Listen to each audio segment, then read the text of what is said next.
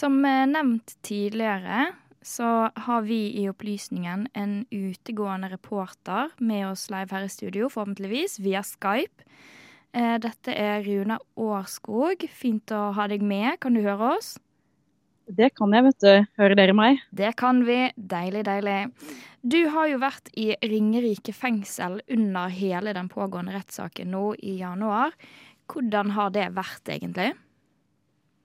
Det har jo vært eh, veldig spesielt. Det er jo en rettssak som ikke foregår i normale rettslokaler, men som du sa, i Ringerike fengsel. Og her er jo sikkerheten veldig streng, så vi må gjennom flere sikkerhetssluser før vi får slippe inn ned til det, det som er egentlig en gymsal, som har blitt rigget om til å være en rettssal nå. Eh, men systemet her er veldig ryddig. Det føles veldig trygt å være her. Det er mange betjenter og politifolk. Eh, og så er det jo en spesiell rettssak som pågår da i Ringerik fengsel denne uka. Ja, for eh, Breivik han saksøker jo eh, staten. Men hvorfor gjør han det egentlig? Nei, altså Breivik mener at uh, det er brudd på menneskerettighetene artikkel 3 og 8. Eh, og de går på dette med umenneskelig behandling og retten til privatliv. Eh, så Han mener da at han lider av isolasjonsskader, og at han er blitt deprimert og suicidal fordi at han ikke har muligheten til det han mener er meningsfull menneskelig kontakt. Og at han da ikke får lov til å sende private brev sånn som han ønsker ut av fengselet. Og Det er derfor han nå saksøker staten. Er det i hovedsak brev det dreier seg om, da? Altså den personlige kontakten? Eh, nei. Eh, det er det som går på artikkel 8, som handler om denne brevkontrollen. og Dette er retten til privatliv. At han kan ha privat kontakt med de utenfor. Eh, men artikkel 3 går på den umenneskelige behandlingen. At det ikke er bra nok å bli holdt i relativ isolasjon. Og at disse eh, liksom, kompenserende tiltakene da, ikke er gode nok. Og at han da får isolasjonsskader av det. Så det går på både behandlingen innad i fengsel, men også muligheten han har til det han snakker om, som er med, altså meningsfull menneskelig kontakt. Både med innsatte og med folk utenfor fengselet. Ja, eh, Men hvordan er det han egentlig lever i dag, da? I dag så lever han under det vi kaller for særlig høy sikkerhet. Det er altså det strengeste tiltaket vi har i Norge. Eh, fengselet er delt inn i tre. Du kan ha lavsikkerhet, og så kan du ha det vi tenker på som vanlig fengsel, altså høysikkerhetsfengsler. Og Det er der vi er i dag, men han lever da under særlig høy sikkerhet. Og her har han da ikke lov til å ha kontakt med folk uh, utenfor sånn som han vil. Han har heller ikke lov til å ha kontakt med innsatte sånn som han ønsker. Det må alltid være tre til fire betjenter til stede, eller må være, det må være et sikkerhetsnett, altså en, en, eh, et gitter eller glassvegg mellom de han møter. Eh, og så prøver jo staten å kompensere så godt de kan for dette, hvor de eh, tilbringer mye tid på han. Han våkner jo hver dag og får eh, da frokost, han får kaffe og snakker med betjentene, og det er de han også spiser med. Og så utover dagen så er det litt forskjellige tiltak. Han studerer bl.a., han har ulike aktivitetstilbud. Han trener, eh, han har tilgang på prest og psykiater og andre som arbeider i fengsel. Så han er jo ikke helt isolert, han er det som vi kaller relativt isolert. Um, og det har jo gått relativt viralt, det at um, han Breivik begynte å gråte uh, i rettssalen. Uh, hva tenkte du da det skjedde? Det var veldig, veldig spesielt. Altså, vi sitter jo der hele dagen og tar mye notater og følger med på det som blir sagt. Og idet det første hulket kom, så ble det ganske stille inne i rettssalen.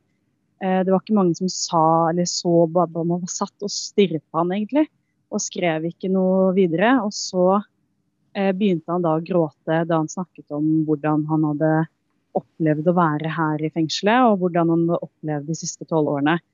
Og det må mildt sagt sies å være veldig spesielt. Eh, det er også kommet frem av de vitnene senere, både de som jobber i fengsel, men også psykiater og psykolog, og den tidligere besøksvennen han hadde, som de siste årene, og han besøksvennen som har kjent han i ni år, aldri har sett Breivik gråte før. Så det var mildt sagt spesielt. Sist gang vi kan ha noe, vet noe om at han har grått, det er da han så sin egen propagandavideo i rettssaken i 2012. Hva, altså, hva inntrykk er det du sitter igjen med nå som det For det har jo pågått siden mandag. Hva inntrykk sitter du igjen med?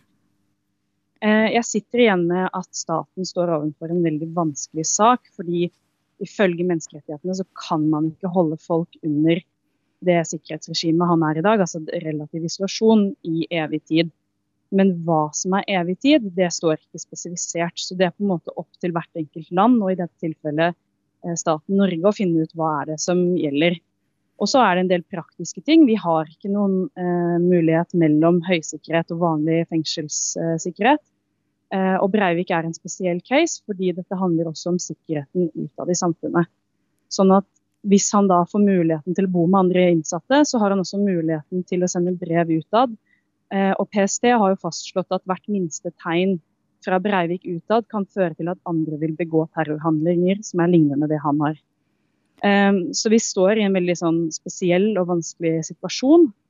Og så er det jo også spesielt at han har prøvd seg på en helt ny taktikk, da, som flere har påpekt. At han ikke viser nazihilsen, at han snakker om sak, at han begynner å gråte. At han til og med har sagt eller beklaget til de pårørende. Eh, og så er det spørsmål hvor troverdig dette er, eh, osv. Men jeg sitter jo også igjen med at eh, jeg syns jo at det virker som at staten gir ganske mange kompenserende tiltak, og at han får det så bra som overhodet mulig innenfor de rammene som er gitt per i dag. Hvor eh, tid, eller Har det kommet noen eh, hint om når resultatet for denne rettssaken kommer? Ja, så vidt jeg har skjønt, så kommer disse resultatene i juni, eller mot sommeren. da.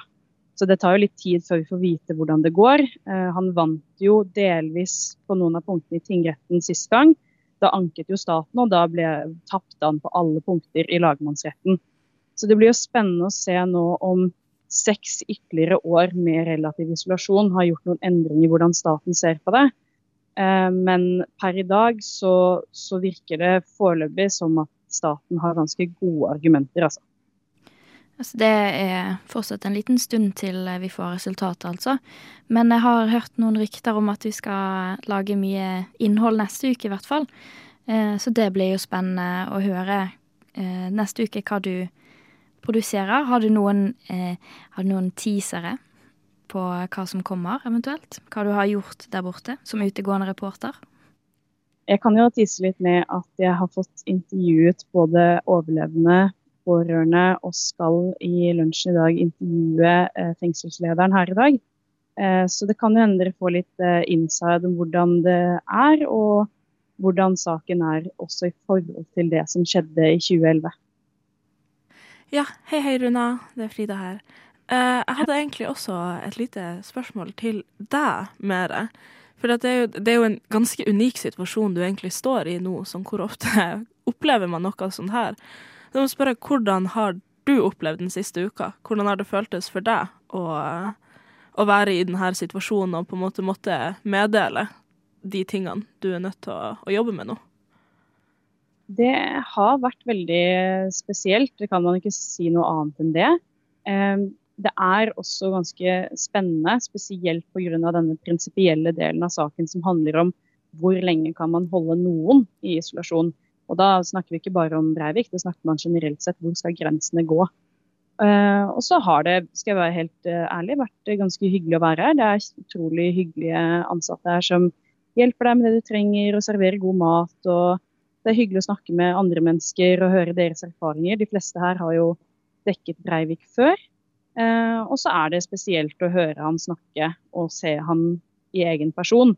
og vite at han har gjort det han har gjort. Det føler man jo på kroppen. Mm. Det kan jeg se for meg. Eh, tusen takk for at du tok deg tiden eh, til å svare på alle spørsmålene våre, Rune. Nå skal jeg sende, få lov til å sende deg tilbake eh, til, eh, til rettssalen. Eh, ha det bra. Ha det bra.